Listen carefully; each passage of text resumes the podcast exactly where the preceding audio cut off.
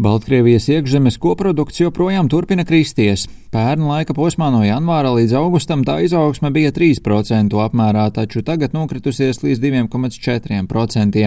Baltkrievijas IKP pieauguma prognozes šim gadam ir dažādas, svērstoties no 1,2% līdz 2,5%.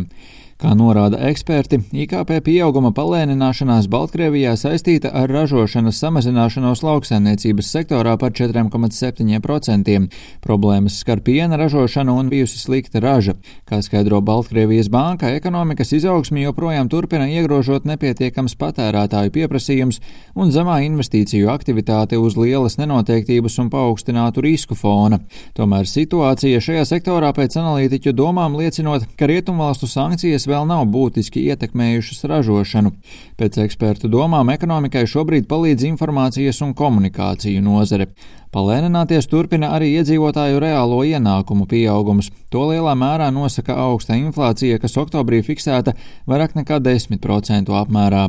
Situāciju pasliktināt varētu piektā sankciju pakete, par kuru Eiropas Savienības ārlietu padomē pirms nedēļas tika panākta politiska vienošanās. Vēl gan notiek izstrādes process, un par to, kas tieši sankcijām tiks pakļauts, varētu būt zināms šonadēļ vai nākamnedēļ. Sankciju paketē varētu būt divas sadaļas. Viena no tām vērsta pret tiem, kas ir atbildīgi par migrāciju migrācijas plūsmu organizēšanu, otra pret tiem, kas vainojami cilvēktiesību pārkāpumos Baltkrievijā. Tomēr sankcijas varētu tikt vērstas arī pret līdzsabiedrībām, kas palīdz nogādāt migrantus Mīnskā. Tātad sankcijas varētu skart Baltkrievijas valsts līdzsabiedrību Belavija. Līdzsabiedrības gaisa flotē ir 29 lidaparāti, no kuriem līzingā caur īrijas kompānijām ir 17. Sankcijas varētu paredzēt līzinga līgumu laušanu ar Belāviju, tātad lidmašīnas būtu jāatdod, un līdzsabiedrībai varētu tikt liekts slēgt jaunus līgumus ar Eiropas kompānijām. Katrā ziņā ar būtiskām ekonomiku ietekmējošām sankcijām neviens vēl nesteidzas, un tā vien varētu šķist, ka līdz šim ieviestās sankcijas ļoti manāmu ietekmi atstājušas nav, un finansiālu atbalstu Baltkrievijai arī turpina sniegt Krievija. Kā uzskata eksperti, tieši Krievijas pieredze liecina, ka pat desmit gadu ilga ekonomikas stagnācija un iedzīvotāju ienākumu samazināšanās autoritāram režīmam nav katastrofa. Pret Baltkrieviju noteikto sankciju ietekmei jābūt ļoti lielai, lai režīmu būtiski satricinātu, piemēram, pilnībā slēdzot tranzītu uz Eiropu. Polijas politiķi nesen izteica draudus, ka varētu tikt slēgta abu valstu robeža, apturot tranzītu. Lukašenko pirmdien uzsvēra, ka šādi draudi viņu nebiedējot un aicināja poļus padomāt, ko tie darīs, lai sasniegtu Krieviju, Ķīnu un Austrumus kopumā, ja robeža būs cieta. Savukārt to, kāda ir Latvijas tirzniecība ar Baltkrieviju, īsi ieskicēja Latvijas bankas ekonomists Guntis Kalniņš, kurš norāda, ka Baltkrievija nav starp nozīmīgākajiem partneriem. Latvijai uz šo valsti eksportējot tikai nedaudz virs 1% preču un importējot ap 2% preču.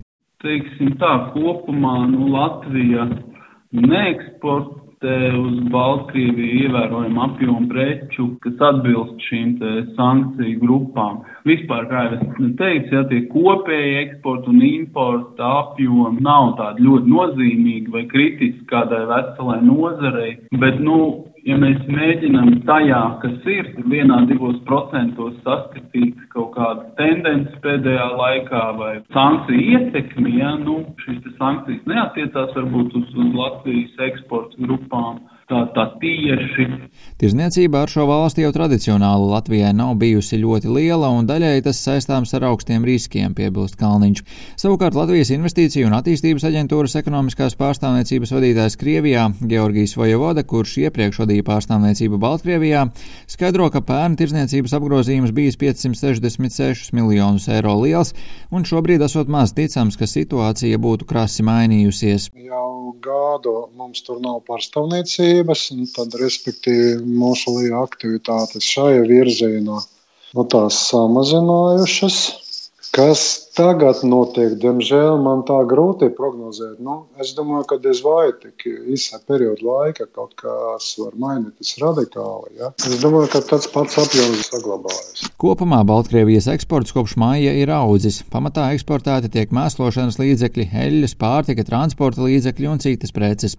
Kopš māja audzis arī imports. Skaidrs, ka būtiskākais un lielākais partneris eksportā un importā turpina būt Krievija, tomēr augšgalā ir arī Ukraina un Polija, ar kurām attiecības gan nav no tām labākajām, arī tādēļ, ka jāspēlē līdzi Krievijai. Tā piemēram, novembra sākumā kļuva zināms, ka Baltkrievija vairs neslēgs jaunus līgumus par elektroenerģijas piegādi Ukrainai.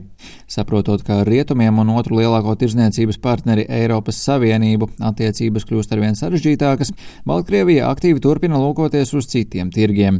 Piemēram, Āzijā esošo Kazahstānu, Uzbekistānu un Azerbaidžānu, kuras jau iepriekš bijušas top 20 sarakstā, uz kurām tiek eksportēts visvairāk. Valsts ziņu aģentūrā Belta atrodamas vairākas ziņas par sadarbības veicināšanu kaut vai ar Kazahstānu un Kirgistānu, piemēram, esot interese par Baltkrievu autorūpniecības sortimentu. Aktīvi tiekot strādāts arī pie sadarbības paplašināšanas ar to austrumu un Persijas līča valstīm. Rihards Plūme, Latvijas radio.